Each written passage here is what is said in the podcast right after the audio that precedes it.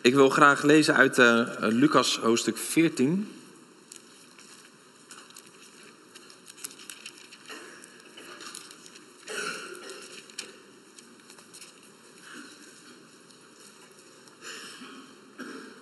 Uh, vanaf vers 25. Grote mensenmenigte trokken met Jezus mee. Hij wendde zich tot hen en zei: Wie mij volgt, maar niet breekt met zijn vader en moeder en vrouw en kinderen en broers en zussen, ja zelfs met zijn eigen leven, kan mijn leerling niet zijn. Wie niet zijn kruis draagt en achter mij aankomt, kan niet mijn leerling zijn. Want wie van jullie die een toren wil bouwen, gaat niet eerst de kosten berekenen om te zien of hij wel genoeg heeft voor de bouw. En als hij het fundament gelegd heeft, maar de bouw niet kan voltooien, zal iedereen die dat ziet hem uitlachen en zeggen: Die man begon te bouwen, maar afmaken kan hij het niet. En welke koning die erop uittrekt om met een andere koning oorlog te voeren, zal niet eerst bij zichzelf te raden gaan of hij wel met 10.000 man kan optrekken tegen iemand die met 20.000 man tegen hem oprukt. Als hij dat niet kan, stuurt hij eerst, wanneer de troepen nog ver van elkaar verwijderd zijn, een gezant om naar de voorwaarden voor vrede te vragen. Zo geldt ook voor jullie. Wie geen afstand doet van al zijn bezittingen, kan mijn leerling niet zijn. Nou, zoals je misschien gehoord hebt, is mijn stem wat minder vandaag. En ik ben volgens mij niet de enige die verkouden is. Ik merkte het gisteren al eh, eh, aan het eh, voetbalveld bij mijn zoon dat ik wat minder hard kon schreeuwen. En ehm, ik ga mijn uiterste best doen om er doorheen te komen. Het komt goed. Ik had nog ergens water neergezet. Ah, zie je, de tafel is verdwenen. Ik hou deze er even bij. En ik mag vanmorgen spreken over het thema uh, weet waar je aan begint. En ik had uh, van de week een, uh, een enthousiast spraakberichtje van Laura over waar jullie als gemeente mee bezig zijn. En dat het verlangen van jullie als gemeente ook is om meer van Gods geest in jullie midden te ervaren en om, om ook daarin uit te stappen. En daarom is mijn thema vanmorgen: weet waar je aan begint. Afgelopen, afgelopen woensdag hadden we bij ons op school een uh, informatieavond. Hè. Ik ben mentor van een Atheneum 5 klas. En uh, dan uh, moet je al die ouders ontvangen en vertellen wat er allemaal voor exameneisen zijn. En een collega die, die zat ernaast met een klas en die zei tegen mij... Timon, heb je ook wel eens dat je iets gedaan hebt...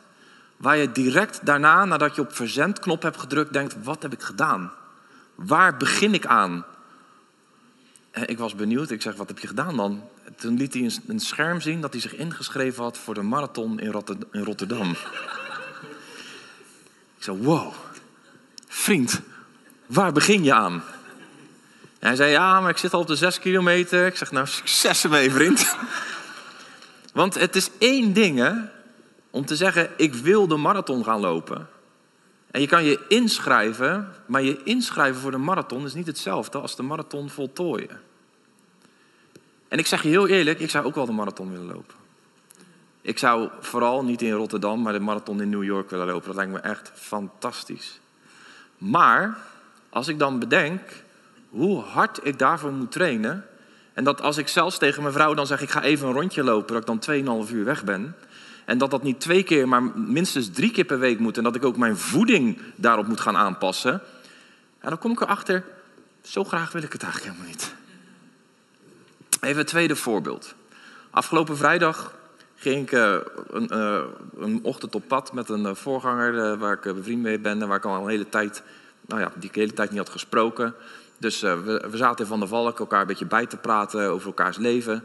En in één keer vertelde hij, en het was echt heel gek, dat is ook met mannen, als je in gesprek bent. Dan gaat het eerst over gemeentewerk en zo, dan gaat het laadje dicht.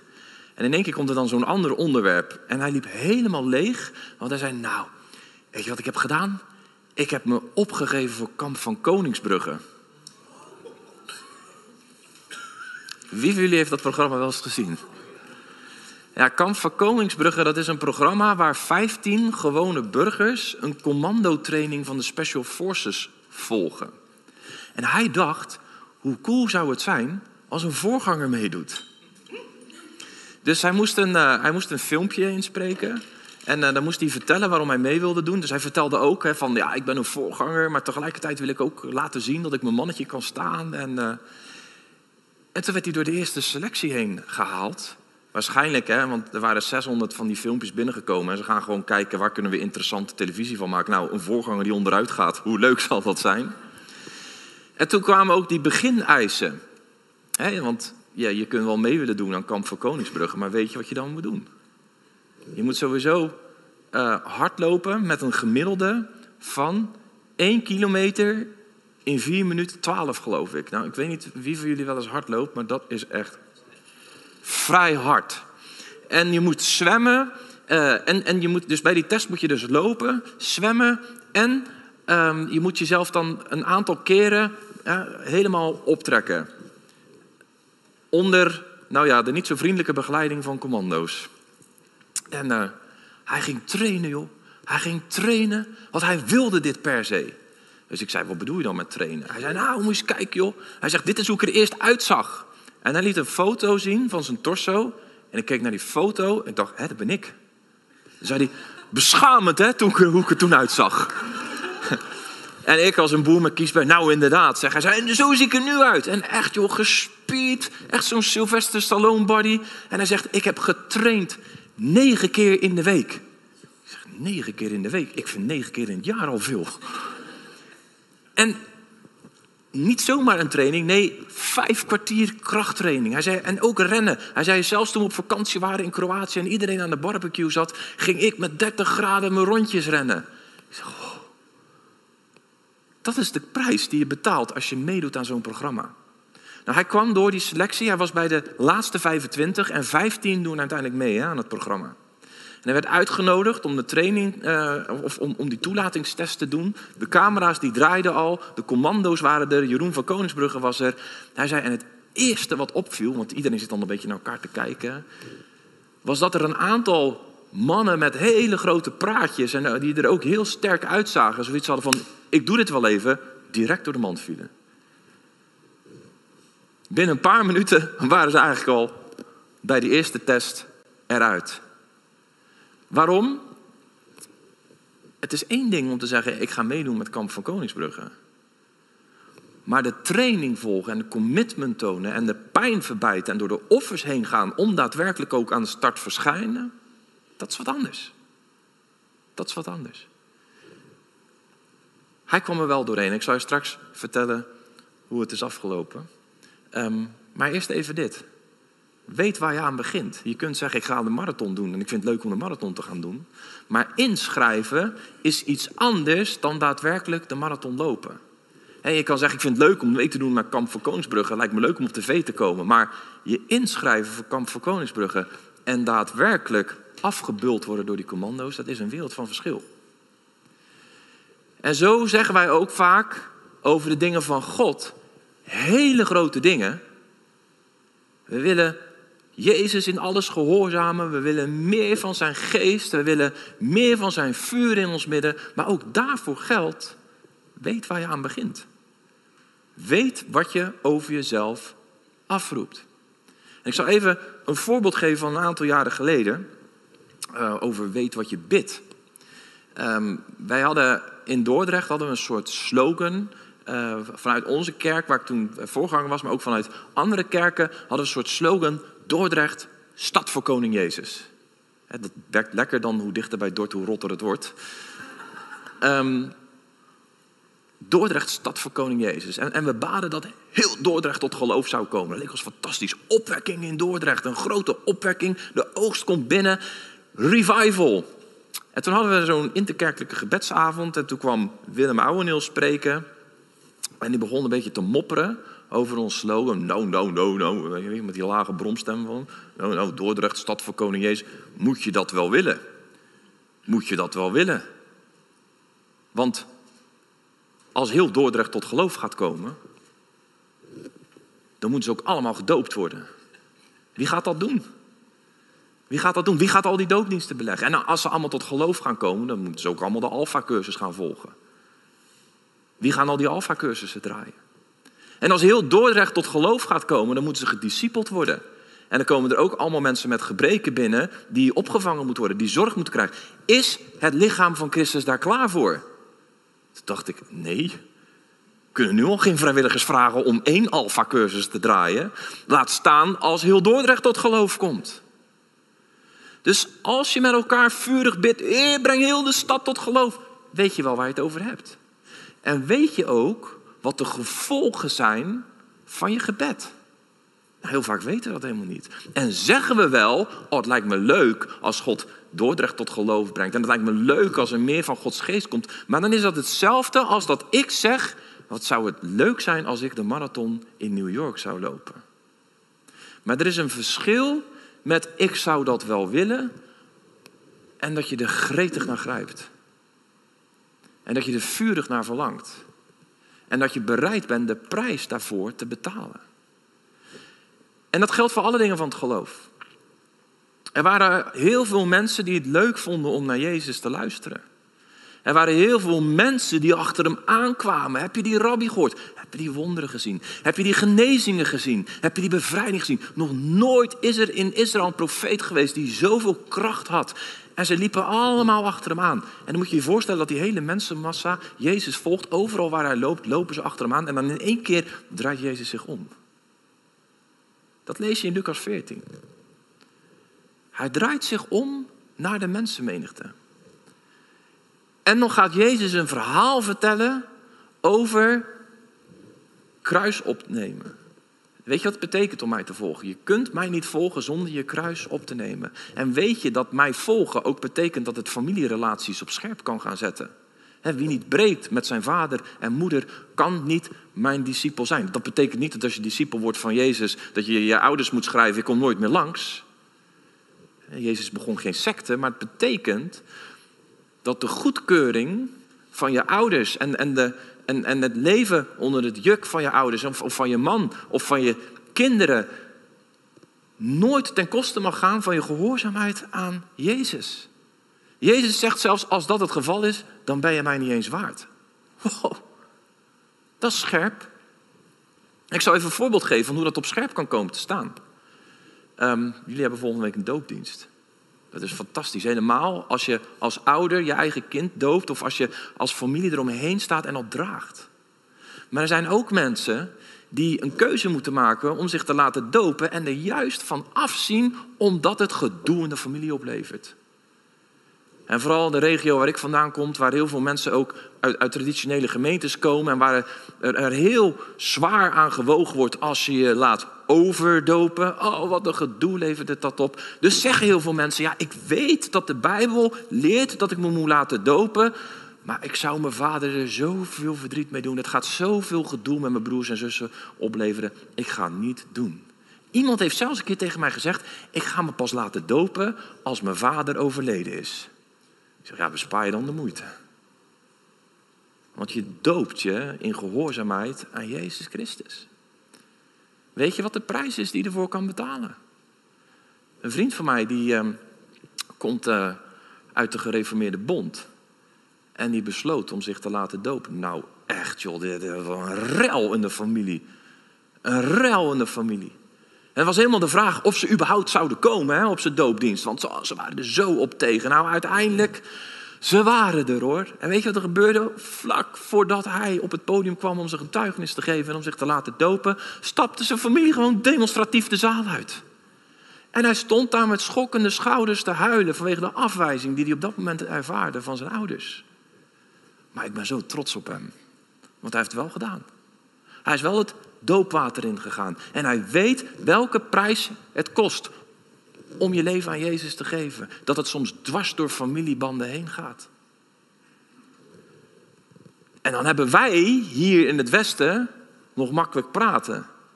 In Irak was er in Bagdad een gemeente waar mensen zich lieten dopen. 22 dopelingen en de week erop waren ze alle 22 vermoord. Er zat gewoon iemand achterin een lijstje op te maken van alle namen. En, en moslimfundamentalisten zijn ze allemaal thuis gaan opzoeken en zijn allemaal vermoord. Ja, als je dan hebt over je kruis opnemen en Jezus volgen, dan gaat het even heel ergens anders over dan die fijngrenzen waar wij het over hebben met elkaar. Maar kiezen voor Jezus zet echt ontzettend veel in beweging, ook in de geestelijke wereld. Weet waar je aan begint. Ja, en dan dat, ja, wij willen eigenlijk meer van de Heilige Geest. Weet waar je aan begint. Want op het moment dat dat lichtje, wat jullie ook zijn, in Tiel, in een duistere omgeving, als dat lichtje flikkert en, en, en het is gewoon een, klein lichtje, dan zijn er ook weinig mensen die dat kunnen zien en er wat van kunnen vinden. En is er ook weinig aandacht vanuit het Rijk der Duisternis. Maar op het moment dat daar olie op gegooid wordt en het begint een uitslaande brand te worden, reken maar dat er heel veel weerstand gaat komen vanuit het Rijk der Duisternis, zowel van buiten de gemeente, maar kan je garanderen ook van binnen de gemeente. En dat is even confronterend, want dat willen we niet. We willen geen gedoe, toch? Maar kan je garanderen, een uitstorting van de Heilige Geest levert altijd gedoe op. Altijd. En ik zeg dat niet omdat ik negatief over deze gemeente denk, helemaal niet. Ik vind het een fantastisch mooie gemeente. Maar omdat het met elke gemeente van Jezus Christus al 2000 jaar zo gaat. En jullie zijn daar niet de uitzondering op. Elke keer op een moment dat de geest van Jezus gaat bewegen, dan gaat ook de geest die tegen Jezus opkwam en die hem uiteindelijk aan het kruis heeft genageld, ook zich tegen jullie keren. Jezus heeft gezegd, ze zullen jullie haten. Waarom? Omdat ze mij haten. Dat is wat er gaat gebeuren. En wij bidden ook vaak, oh Heer, stort uw geest uit met wonderen en tekenen. Oh Heer, laat er genezing zijn. Oh Heer, laat er bevrijding zijn. Oh, fantastisch. En dan kijken we naar handelingen. En dan kijken we naar Efeze. En dan zien we dat in Efeze bij Paulus er mensen genazen op het moment dat hij voorbij liep en zijn schaduw langs ze ging. En dat zijn zweetdoeken mensen tot genezing brachten. En dat er overal bevrijding was. En dan zeggen we, ja Heer, dat willen we ook. En dan lees je even verder dat Paulus bijna gelinkst wordt daar in Efeze. En dat hij bij de Filippenzen in de bak terechtkomt. Dat hij gegezeld wordt en zegt: ah, Heer, kunnen we dat ook hebben zonder dat andere? Weet waar je om vraagt. Want wat denk je dat als dit soort dingen ook hier zouden gaan gebeuren, wat er dan voor reactie gaat komen? Wonderen en tekenen, een uitstorting van de Heilige Geest, lokt een reactie op van wat er in het hart van mensen zit, zowel binnen de gemeente als buiten de gemeente. Het maakt heel veel zichtbaar. En de weerstand naar God wordt ook openbaar op het moment dat dat gebeurt. Er waren heel veel fariseeën en schriftgeleerden die drie keer per dag baden. Het Shema, eh, Israël, er is één God, de Heer God, er is één God. Deuteronomium 6 vers 4, baden ze drie keer per dag. Ze vasten twee keer in de week. Ze brachten uren door in de schrift en zij zeiden: Wij zijn de rechtvaardigen die van de God van Israël houden. En dan komt de zoon van God op aarde en dan komt de God van Israël. Die wordt vlees en die staat daar dan in hun midden en die doet een wonder. Moet lezen, Johannes 5, fantastisch. Bij Bethesda, Jezus geneest een verlamde man. En wat gebeurt? De mensen worden boos. De mensen worden boos. Want het was op de Sabbat. En dan staat er, omdat Jezus dit op de Sabbat deed, wilden ze hem vervolgen. Wat gebeurt er? Deze mensen dachten dat ze van de God van Israël hielden. Maar dan begint de Heilige Geest te bewegen door Jezus heen. En dan komt de God van Israël dichterbij. En dan blijkt dat dat toch echt wel tegenvalt. Dat er een boosheid en achter een vroom sausje van religie een haat en een angst voor God zichtbaar wordt. Dat gebeurt ook op het moment dat de Heilige Geest gaat bewegen. Dat gebeurde met Jezus, dat gebeurt ook als wij in die kracht gaan bewegen. En dan zou je zeggen, nou, maar dan moet er nog, gewoon nog een grote wonder doen. Laat dan het grootste wonder gebeuren. Stel je nou voor dat God hier gewoon grote wonderen en tekenen gaat doen. Het allergrootste wonder mogelijk. Stel je voor, EZG Tiel. Jullie krijgen de primeur dat God door de handen van Gerrit, jullie voorganger, iemand gaat opwekken uit de dood. Oh. Dus voor zover ik weet nog niet in Nederland gebeurd. Tenminste niet met de camera's erbij. En stel je voor, het zou hier op de begraafplaats bij Tiel zijn... bij iemand die al vier dagen dood is. En ze hebben net die hele begrafenis gehad. En dan komt Gerrit en die zegt, ja, we graven maar weer op. En in de naam van Jezus, kom uit... Ja, dan kom je eigenlijk een kist uit. Dat is wel... Nou ja, je hoort geklopt dat er weer leven is.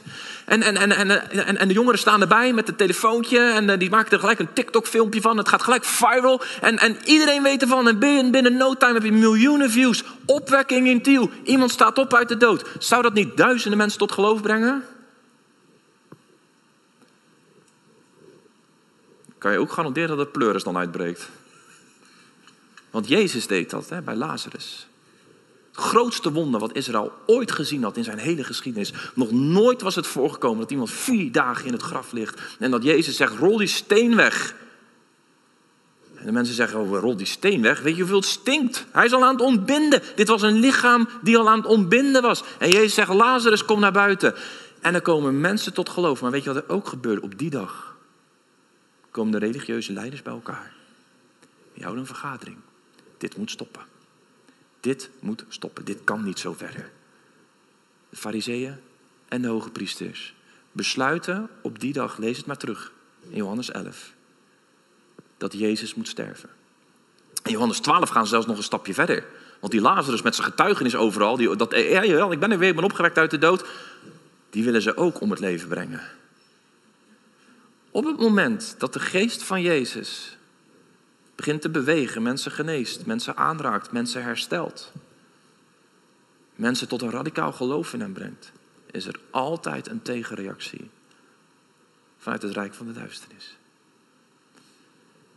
En dat was zo met Jezus. En dat is ook zo met ons. Dus als wij met elkaar verlangen naar, wij willen meer van Gods geest, weten we dan waar we het over hebben? Weten we dan ook wat de gevolgen kunnen zijn. Want wij willen meer van Gods geest, dat is een gebed. Welke kerk bidt dat nou niet? Wij willen meer van Gods geest. Bijna elke kerk heeft wel van die mooie opwekkingsliedjes daarover. En kom met uw vuur en we willen een opwekking. En geef ons opwekking, Heer. En, en, en stort uw geest uit. Maar waarom stort God zijn geest niet uit? Waarom weerhoudt hij al die zegeningen? Er zijn heel veel verschillende redenen daarvoor te noemen. Maar één van de belangrijkste redenen is dat we niet weten waar we om vragen. En we kunnen de consequenties daarvan niet dragen. En we willen de gevolgen daarvan niet aanvaarden. En daarom kan ik me voorstellen dat zoals Jezus tegen de menigte zei, die zeiden, wij willen achter u aangaan. Dat Jezus zei, ho, ho, ho, ho, even de kosten berekenen. Weet waar je aan begint. Want dit kan je je familierelaties kosten. Dit gaat je sowieso heel veel geld kosten om te leven in het koninkrijk. Want wie geen afstand neemt van zijn bezittingen kan mijn leerling niet zijn. Dit betekent zelfs dat het je leven kan kosten. Wil je het dan nog?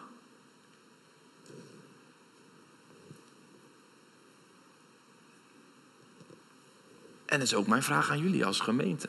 Als je meer wil van Gods geest, je wil meer van zijn kracht en van zijn heerlijkheid. Je wil dat hij beweegt zoals hij zelf de vrijheid wil hebben om te bewegen in ons midden. Je wil hem volledig zijn gang laten gaan. Weet je wat dat kan betekenen? Weet je wat er dan kan gebeuren? Wil je dat ook echt met elkaar? En één ding wil ik daarover kwijt.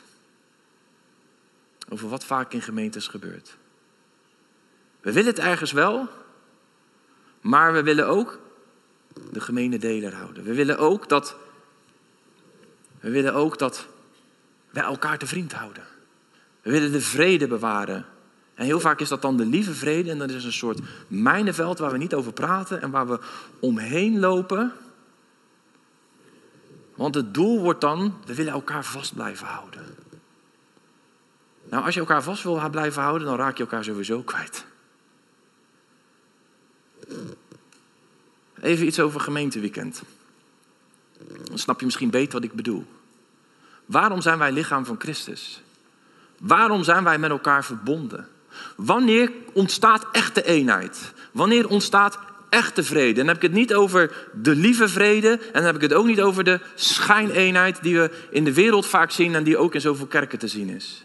Wanneer ontstaat echte eenheid? Wanneer ontstaat echte vrede? Op het moment dat bij ons allemaal hetzelfde verlangen is naar de vredevorst.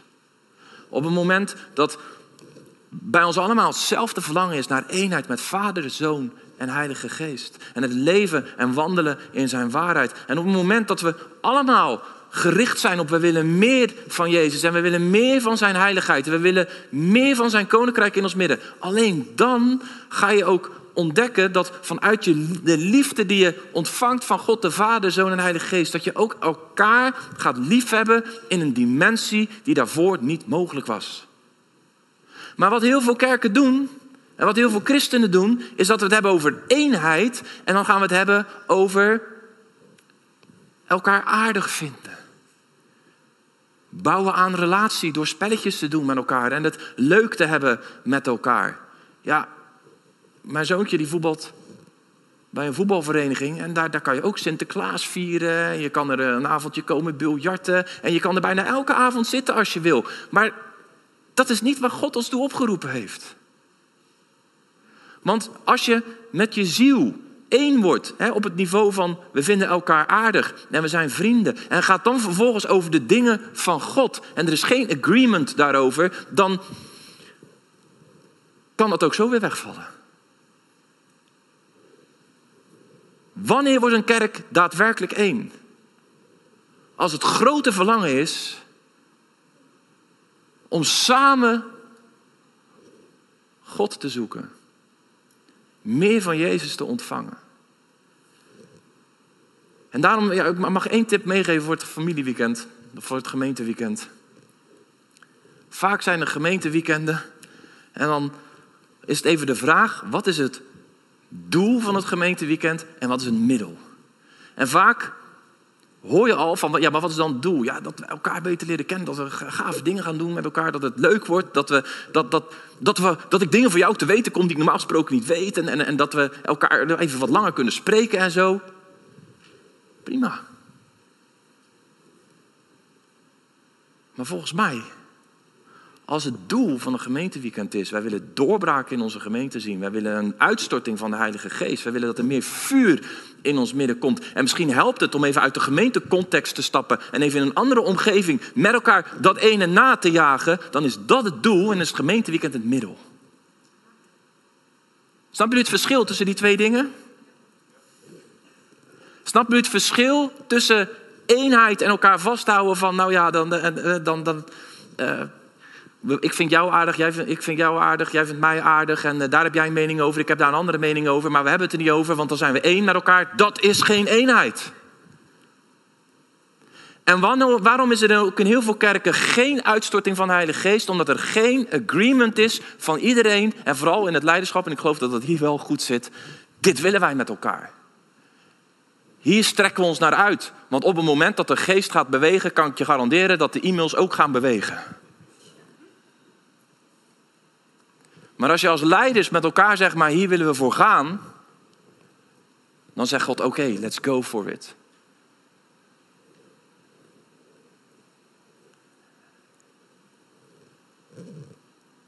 En dan kan ik je vertellen, het is Gods verlangen dat er meer van zijn geest komt.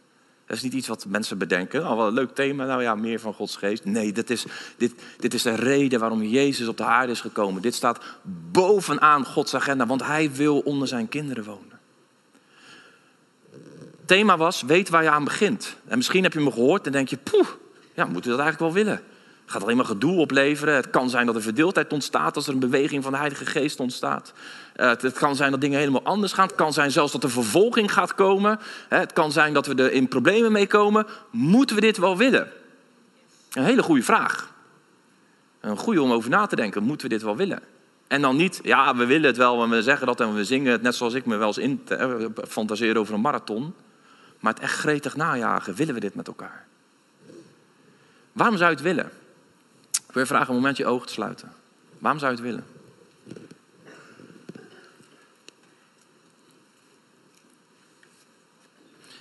En ik ga jullie wel zowel aanspreken als gemeente, maar ook op persoonlijk level. Waarom zou je het willen? Waarom zou je meer van Gods geest willen? Waarom zou je meer van Jezus willen in je midden? Omdat Hij het meer dan waard is. Omdat Hij het van ons verlangt. Omdat Hij zoveel van ons houdt dat Hij ons niet dezelfde wil laten blijven. Omdat Hij ons dieper wil tillen aan zijn vaderhart. En probeer je dit eens voor te stellen met de ogen van je hart. Dat Jezus op zijn troon zit, aan de rechterhand van de Vader, omgeven door miljoenen engelen. En op dit moment kijkt Hij naar jou. Kijkt Hij naar Tiel, kijkt Hij naar deze plaats, kijkt Hij naar wat hier gebeurt. En op het moment dat je Hem in de ogen kijkt, zie je ogen brandend van vuur, brandend van liefde voor jou en voor mij. Een vurige liefde die zo ver is gegaan, dat zie je op het moment dat je ook kijkt naar zijn handen. Waar je nog de wonden van de spijkers ziet. Die handen die doorboord zijn geweest. Voor jou en voor mij. Die Jezus, die zit aan de rechterhand van de Vader. En die kijkt vol bewogenheid naar jou. En om Jezus heen staan allemaal schatten. Die bestemd zijn voor jou.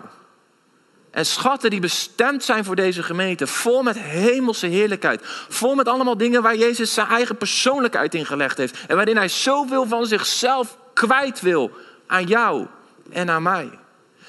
En naast hem staan allemaal tronen leeg. En op die tronen liggen kronen klaar. En staan naambordjes op met jouw naam. Met mijn naam en met de naam van deze gemeente. Want jullie komen ooit voor die troon te staan. Zowel persoonlijk, maar ook als gemeente. En ik hoop dat als dat zo is, dat Jezus je dan in de ogen kijkt en zegt dankjewel. Dat je niet teruggedeinst bent voor mijn geest. Dankjewel. Dat jullie op mijn woord zijn blijven staan als gemeente. Dat jullie ook wat zwart is zwart durven te noemen, zelfs als de, als de wereld het wit noemt. Dat jullie de smalle weg zijn gegaan van het daadwerkelijk ja zeggen tegen mij. Dank jullie wel. Dat jullie de prijs betaald hebben met elkaar. En dat ik de ruimte heb gekregen om te bewegen in jullie midden. Daar ben je toch gemeente voor? Mag je ogen weer open doen. Dat wil je toch horen op het laatst? Daar doen we toch voor met elkaar? Dat is het antwoord op de vraag: waarom willen we meer van Gods geest? Omdat we meer van Gods geest nodig hebben om gehoorzaam te zijn naar Jezus. Omdat we meer van Gods geest nodig hebben om mensen aan de voeten van Jezus te brengen. Omdat we meer van Gods geest nodig hebben om op Jezus te gaan lijken. Dus als jullie dit jaar verder gaan met het thema, we willen meer van Gods geest. Ga dan met elkaar in gesprek, wat bedoelen we daar eigenlijk mee? En willen we dat ook echt? En waar verlangen we dan naar? En als je vervolgens, eerst als leiders, maar ook, en dat hebben we waarschijnlijk al gedaan, maar ook als gemeente een agreement krijgt van ja, dit gaan we najagen en dat mag ook best wel wat kosten, dan geloof ik dat God gaat antwoorden. Weet je waarom? Omdat hij een veel groter verlangen heeft naar een beweging van zijn geest in jullie midden dan dat jullie kunnen bidden en beseffen. Ik wil jullie vragen een moment te gaan staan. De band mag alvast naar voren.